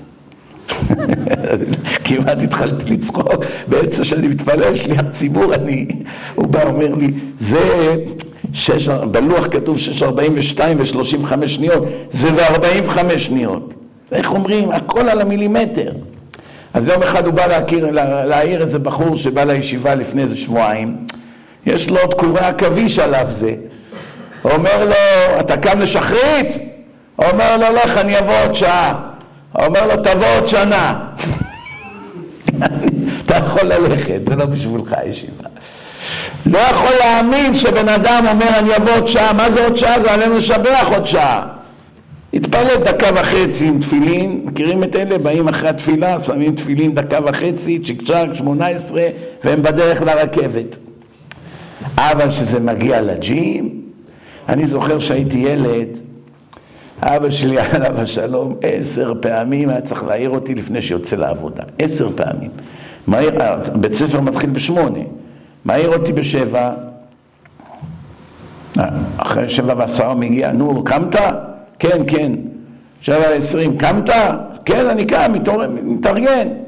הולך, שירותים, זה, חוזר, רבע לשמונה, עוד לא קמת? חמש דקות לשמונה, צ'יק צ'אק אני רץ, כל יום איחורים, זה, זה, השעיה, לך תבוא מחר. אבל כשהיה מגיע שבת, חמש בבוקר הייתי כמו אריה כבר ער. למה? אבא שלי היה צוחק, אומר, הוא בשבת קם בחמש. אז אומרים, למה? אומרים, מרוב השמחה שאין בית ספר. כמה שזה היה נכון. אתה אומר לילד, יש טיול עכשיו? נוסעים לטיול? אה, הוא לא יושן מרוב התרגשות. אה, איך הוא שמח, קם, לבוש כבר, מה קרה? כל השנה מתחננים. יצר הרע, רבותיי. יצר הרע, נקים אותו לג'ים. תראו איזה התמדה יש לכל האוהדי כדורגל המטופשים האלה עם ראש של קש. הקבוצה נוסעת לאירופה, הולך, קונה כרטיס, הולך שדות תעופה, קורונה, מסכות, בדיקות קורונה, שלוש טיסות מחליף, בשביל לשבת שעה וחצי בין הגויים ולצרוח. וכמה כסף עולה לו, אחר כך הוא חוזר, עובד בסופרמרקט חודשיים, לשלם על הכרטיס. כמה טמטום ירד לעולם, כמה טמטום. יש במונסי איזה אחד, קוראים לו הרב דויטש, צדיק רציני, חסיד, פרוש מן העולם. היה תקופות הייתי הולך למכור אצלו חמץ. קיצור הרב הזה דויטש, פעם הזמינו אותו לתת איזה דרשה באיזה מקום באמריקה. עכשיו נתנו לו business class. טוב, הוא בא, מתיישב ב business class, מי יושב שם? אחד שהיה מגדולי הזמרים הטמאים שהיו בעולם. טמא אבל ממש, מי? מייקל ג'קסון, שמעתם עליו? זכותו יגן עליו. יושב שם הפדופיל הזה עם איזה עשרים ילדים ואיזה שני שומרי ראש, כולם תפסו את ה business class. כל החבורה טמאה והרב הקדוש, הרב דויטש, עם הגמרא. תשמעו איזה מחזה. הוא הרב דויטש ככה עם הגמרא, ואלה צועקים, תמונות, וזה הפדופיל, חותם על התמונות שלו מהפרצוף איכסה שלו, ונותן לילדים. אז uh, כל מי שנכנס למטוס, אומייגאד, אומייגאד, מייקל, כל המשוגעים. בקיצור, אז uh, פתאום הוא קלט שכולם משתחווים אליו חוץ ממרדכי היהודי. הוא אומר, מה זה פה? זה לא מסתכל עליי החסיד הזה. הוא בא אליו, excuse me, על הרב דויטש. עכשיו הרב דויטש אין לו מושג מי זה, מה לו ולא. excuse me, נבהל. כן, מה אתה, מה אתה רוצה? אתה לא מכיר אותי? לא, מי אתה? אומר לי, אני הזמר הכי מפורסם בעולם. Good for you, אומר לו. טוב, טוב לך, מה אתה רוצה ממני? אתה רוצה חתימה שלי על התמונה? בכלל לא מבין מה זה חתימה עכשיו, מה לא בשטויות האלה. בסדר, אבל הוא, יש לו דרך ארץ, יש לו נימוסין, בוא נגיד. אמר לו, טוב, תביא תמונה. הלך, התרגש, או, היהודי גם כן משתחווה, הביא לו תמונה, חתם לו עם איזה טוש. הרב דויטש יורד עכשיו מהמטוס, איך שנכנס לזה, שם את התמונה שלו בפח. אז אחד אומר לו, וואי, רבי דויטש, עם הכסף של התמונה המטומטמת הזאת היית מגדיל את הבית מדרש פי שלוש.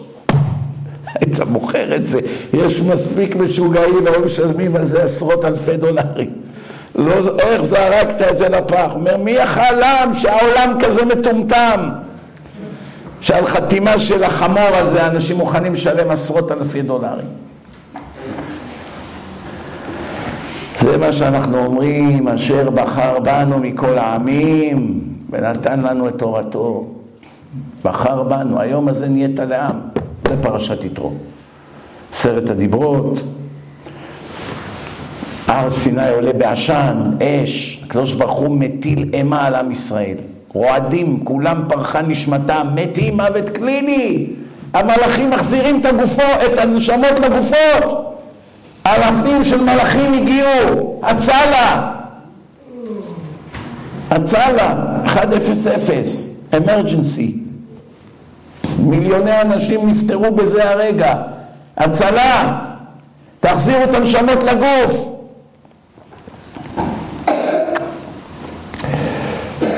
מה אומרים למשה? לך אתה תעלה להר, עשה טובה. שמענו כבר שתי דיברות, גמרת עלינו. תעלה להר, מה שהשם יגיד, הכל אנחנו מתחייבים לעשות. נעשה ונשמע. משה היה צריך להגיד להם, השם לא בא להרוג אתכם, הוא רק מנסה אתכם, אין, אין לכם מה לפחד. ואני תמיד שואל, למה הקדוש ברוך הוא היה צריך לעשות כזה מופע אימים? היה עושה את מתן תורה עם קצת מוזיקת רקע, טה-טה-טם, טה-טה-טם, קצת כינורות, קצת תופים. Ladies and gentlemen, מתן תורה. קצת מוזיקה, ריח של שושנים, של היסמין הזה שפה יש בגינות, ריח יסמין, קצת רוח נעימה, איזה משב אוויר קליל. מה צריך? עשן, אש, תמרות עשן, קול שופר, סירנה, האדמה רועדת, ההר כולו עשן, פתאום שומעים כמו רם אדיר, אנוכי השם אלוקיכם, אשר הוצאתי אתכם מארץ מצרים. כפול המוות. לא יהיה לכם אלוקים אחרים על פניי. אנחנו אומרים בשמע ישראל, בסוף הפרשייה השלישית, אני השם אלוקיכם, אשר הוצאתי אתכם מארץ מצרים. למה? להיות לכם לאלוהים. תזכרו, השלוש מילים האחרונות הן החשובות ביותר. בלעדיהם אין הרבה משמעות למש... למשפט. אני השם אלוקיכם, אשר הוצאתי אתכם מארץ מצרים, למה הוצאתי אתכם? בשביל שתהיו אוהדי בית"ר, אוכלים גרעינים וצורכים וקופצים על הגדרות, בשביל זה הוצאתי אתכם ממצרים? שתרוצו בפארק? בשביל מה הוצאתי אתכם ממצרים? שתהיה נהג אוטובוס? שתקלל את האנשים? כל היום תהיה עצבני, בשביל מה הוצאתי אותך? שתהיה שחקן כדורגל, שתהיה עורך דין פלילי, בשביל זה הוצאתי אותך ממצרים. חסר לי גויים כאלה, חסר לי גויים שחקנים ועורכי דין ואני יודע מה, וזמרים וכל אלה. אני הוצאתי אתכם למצרים בתנאי, יש כאן תנאי. פדיתי אתכם ממאסר, מאושוויץ, ממוות, מילדים מתים, מייסורי מוות. שחררתי אתכם מעבדות לחירות, אך ורק מסיבה אחת, להיות לכם לאלוקים. לא שתהיו חילונים בתל אביב. לא שתאכלים לי שרימפסים וחזירים ותעמדו ותעשו הפגנות נגד החיילים ונגד הרבנים ונגד הישיבות. בשביל זה אני לא צריך אתכם. אין לי בכם שום תועלת. זה פסוקים מפורשים בתורה, זה לא דעתי. שלא תגידו אני חושב ככה. פסוקים מפורשים. ואנשים כבר שכחו את זה. להיות לכם לאלוקים. בשביל זה הוצאתי אתכם. איך אתם שכחתם את החלק הכי חשוב בפסוק? כי מה השם אלוקיך שואל מי עמך?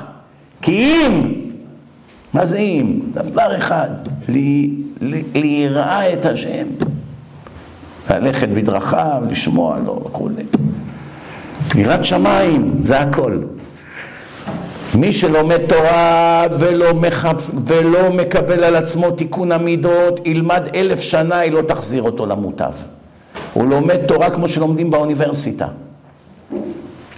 אחד לא יחזור בתשובה משם. מי שבא ללמוד תורה לומד על מנת לקיים, לומד על מנת לעשות, לומד על מנת ללמד, יראה ברכה בלימודו. כל המקבל על עצמו עול תורה, תורה זה משקל, זה עול, זה עול, זה אחריות גדולה. מעבירים ממנו עול דרך ארץ, לא רופאים, לא בלגנים, לא בתי משפט, לא תביעות, לא פציעות, כלום.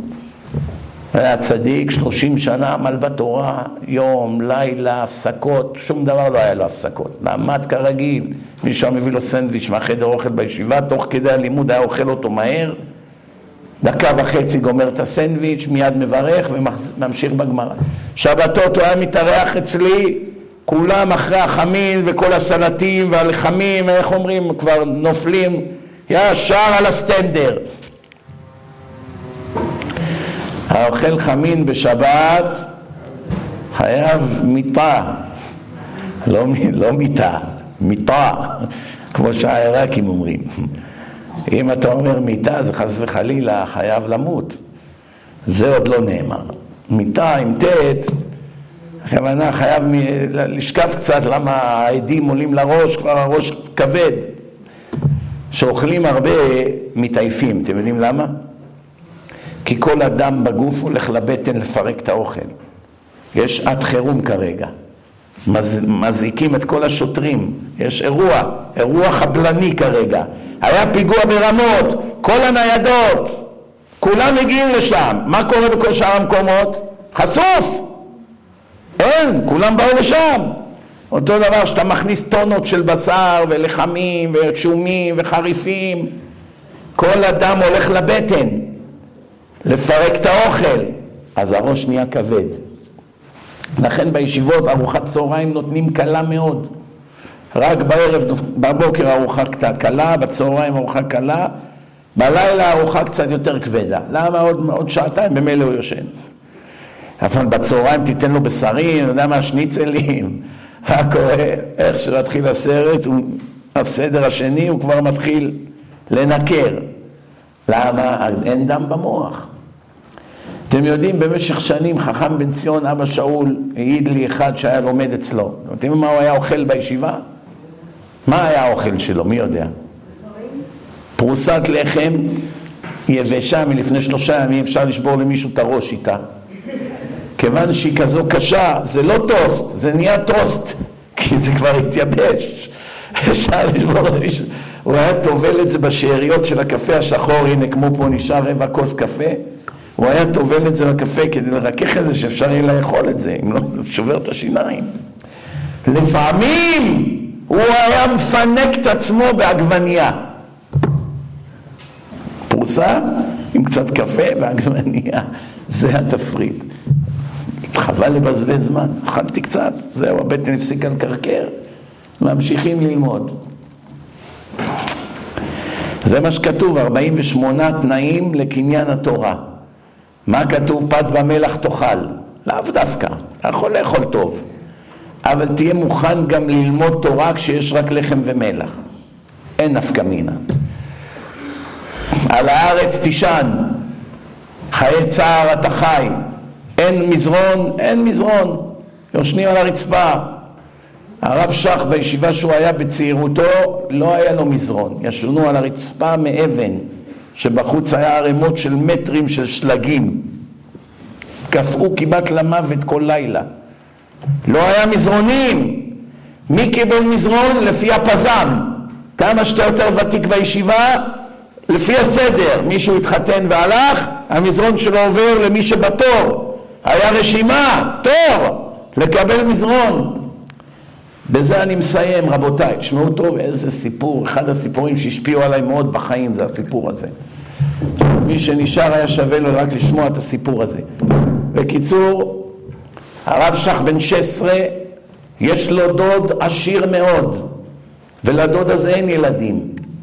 והוא מייעד את הרב שך להיות היורש שלו, ויש לו בית חרושת, מפעל ענק. אז לא היה טלפונים, היו שולחים מברקים, מכתבים, חודש עד שאתה מקבל ועד שאתה מחזיר, זה היה חיים קשים, לא כמו היום באימייל תוך שנייה אתה עונה. קיבל מכתב, הדוד צירף כרטיס לרכבת. יש רכבת, אני צריך שתגיע, קשה לי לנהל איתם בית חרושת לבד, אני מזדקן, אני צריך להכניס אותך לעניינים, בעוד כמה שנים הכל יהיה שלך. אתה הולך להיות איש עשיר מאוד, בן 16. תגיע. עכשיו הרב שך שנתיים יושן על הרצפה. אליעזר מן שך, זה השם שלו. הוא יושן על הרצפה, כופה כל יום. אמר, מה אני יושן פה על הרצפה, כופה, העצמות שלי נשברות כל לילה. יש לי דוד עם בית יפה, שטיחים, מזרונים, חימום, בית חרושת, והדוד כתב לו, אם אתה דואג על הביטול תורה, אל תדאג, יש בעירנו ישיבות ובתי כנסת ותלמידי חכמים, תוכל למצוא פה מספיק תורה. אז אם ככה, מה אני נשאר בישיבה? הוא בא לראש ישיבה, אומר לו, החלטתי לעזוב. יש לי כרטיס, אני נוסע לדוד שלי. כמובן הראש ישיבה ניסה להניא אותו מתוכניתו, ללא הצלחה. הרב שך נפרד מכולם, לקח את התיק, יצא מפתח הישיבה והתחיל לצעוד לכיוון הרכבת. איך שהוא מתחיל ללכת, מגיעה איזו אישה אלמנה עם מזרון, בקושי היא מרימה אותו ככה, מושכת אותו. סליחה, בחורצ'יק, בחורצ'יק, אתה מהישיבה פה? אומר לה כן, שהוא בדרך כבר לעזוב. שמעתי שאין לכם פה מזרונים, בעלי נפטר לפני שבוע, היום קמנו מהשבעה, אני רוצה לתרום את המזרון שלו לישיבה. אתה יש לך מזרון? אמר לה, לא, אני שנתיים יושב על הרצפה. אומרת, בבקשה, הנה, המזרון הזה בשבילך מתנה. נתנה לו את המזרון והלכה. כבר בדרך לרכבת לחיי עושר. ים של כסף הולך להיות לו, להיות גביר. תראו מה ההבדל בין אדם גדול לאנשים קטנים כמונו. אנחנו היינו אומרים, too, too late, פספסת רכבת גברת, לא יכלת לבוא לפני שנה? מה עכשיו באת לי שאני בדרך לרכבת? קורא לאיזה חבר, בואנה איציק, בוא זה בשבילך המזרון. אני כבר בדרך לרכבת. גמרתי בדעתי. אבל הרב שך לא היה טיפש, הוא אמר, איך בורא עולם הביא לי מזרון שנייה לפני שאני נעלם מהישיבה? בדקה התשעים. עוד דקה היא הייתה מגיעה, כבר לא הייתי בשכונה. עוד דקה. זה לא יכול להיות מקרה. בורא עולם אומר את דברו ברגע זה. אליעזר, תסתובב, תחזור לישיבה, הנה מזרון, אין לך שום תירוץ יותר. התירוץ שהיה לך שאתה יושן שנתיים על הרצפה, נגמר ברגע זה. הרב שך אמר, אם השם שלח לי מזרון, סימן שרוצה שאני אשאר פה, אם אני אצא מפה אני אתבע על זה. הסתובב, נכנס לישיבה עם המזרון, ונהיה הרב הכי חשוב בעולם, מנהיג העולם החרדי. אבל אתם יודעים איך הוא ניצל, הרב שך? הראש ישיבה שלו, רב איסר זלמן מלצר, אמר לו, אני רוצה לשדך לך יתומה. זה קרובת משפחה שלי יתומה. אין לה הורים. אומר לו הרב שלך, אם הרב חושב שהיא מתאימה לי, אני מוכן לצאת איתה, אבל איפה נגור? אני, אני יש לי אימא ענייה ואין לה הורים, איפה נגור? תגור אצלי בסלון. אומר לו הרב שך, אבל יש כבר זוג שגר אצל כבודו בסלון, יש כבר זוג שם בסלון. אומר נוריד סדין מהתקרה, נחצה את הסלון לשתיים, זה לא סלונים כמו היום, סלונים קטנים. נחצה את הסלון לשניים, הם יהיו בצד אחד של הסדין, ואתה ואשתך החדשה תהיו בצד השני של הסדין. אתם עוד מכירים מישהו בכדור הארץ שהיה מסכים לגור עם אישה בסלון, בבית לא שלו, שהסלון מחולק עם סדין ככה שעף ברוח, שאתה מתעטש, הבחור מעבר לסדין אומר לך לבריאות. הוא עכשיו רוצה להיות עם אשתו אינטימית, הוא יודע שבטעות הוא יזיז את היד, הוא יפגע לשני בראש. מי יכול לחיות כאלה חיים? אמר, בסדר, אם נחיה ככה, אז נחיה ככה. אמרו לו התלמידים, מה, אתה משוגע? כל אחד מאיתנו קיבל דירה מהחותן שלו, ואנחנו לא מתקרבים אליך בתורה.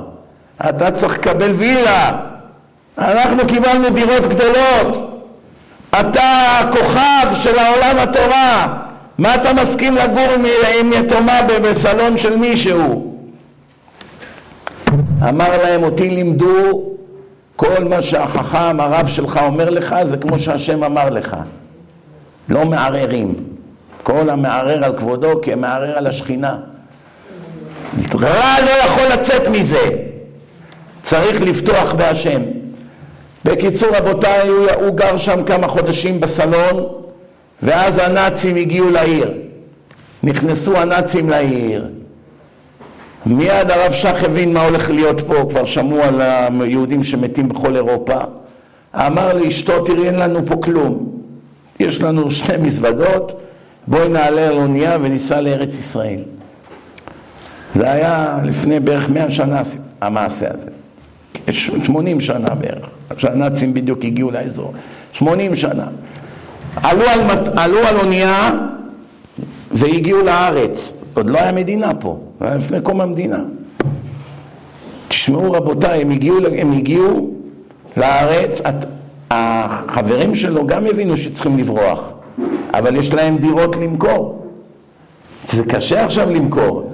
במיוחד שהגויים שמעו שהנאצים הגיעו לעיר, אז יודעים שעוד מעט הרכוש היהודי הכל יהיה הפקר. מי יסכים לקנות דירה של יהודי? יהודים עכשיו צריכים לברוח לנפשם. אחרי שבוע סגרו את הנמל, אין נכנס ואין יוצא אם הוא יהודי.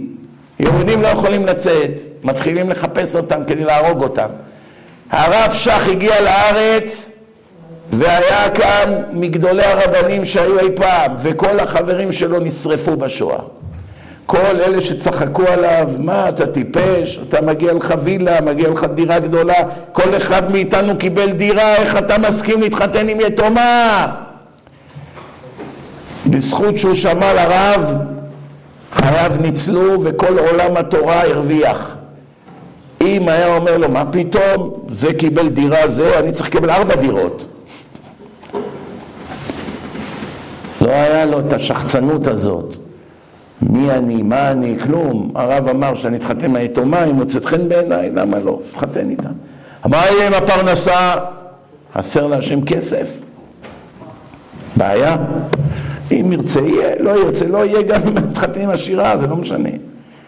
יהי רצון רבותיי, רק דבר אחד, הודעה אחת, כל מי שכאן אין לו עם מי ללמוד, קשה לו ללמוד, יש, פתחנו קו שמי שנרשם שם ילמדו איתך חברותה, בטלפון, בזום, לא יודע איך, יש כל מיני דרכים שם איך ילמדו איתך. תכניסו כוכבית 8640, כוכבית 8640, ישלחו לך הודעה, אם יש לך וואטסאפ זה יגיע לוואטסאפ, תירשם. ייצור איתך קשר רב, יוכל ללמוד איתך מתי שאתה רוצה, כל יום, פעמיים בשבוע, לפי בחירתך. הרבה אנשים עושים את זה וזה שינה להם את כל החיים. יש הרבה אנשים מתעצלים לבוא לישיבה, מתעצלים לבוא לבית כנסת ללמוד. ברגע שיושב מול המחשב, עולה, יש לו עכשיו שעה, הוא רואה את החברותא עם הגמרא, תקרא, מלמד אותו, איך אומרים, תוכנית כבקשתך ובחינם. לכן אין שום תירוצים. כוכבית 8640. יהי רצון בעזרת השם שיהיו לנו ימים טובים מגיעים, ישועות, נחמות, בעזרת השם, וכן יהי רצון ונאמר אמן. רבי חנניה בן הקשיא אומר, רצה הקדוש ברוך הוא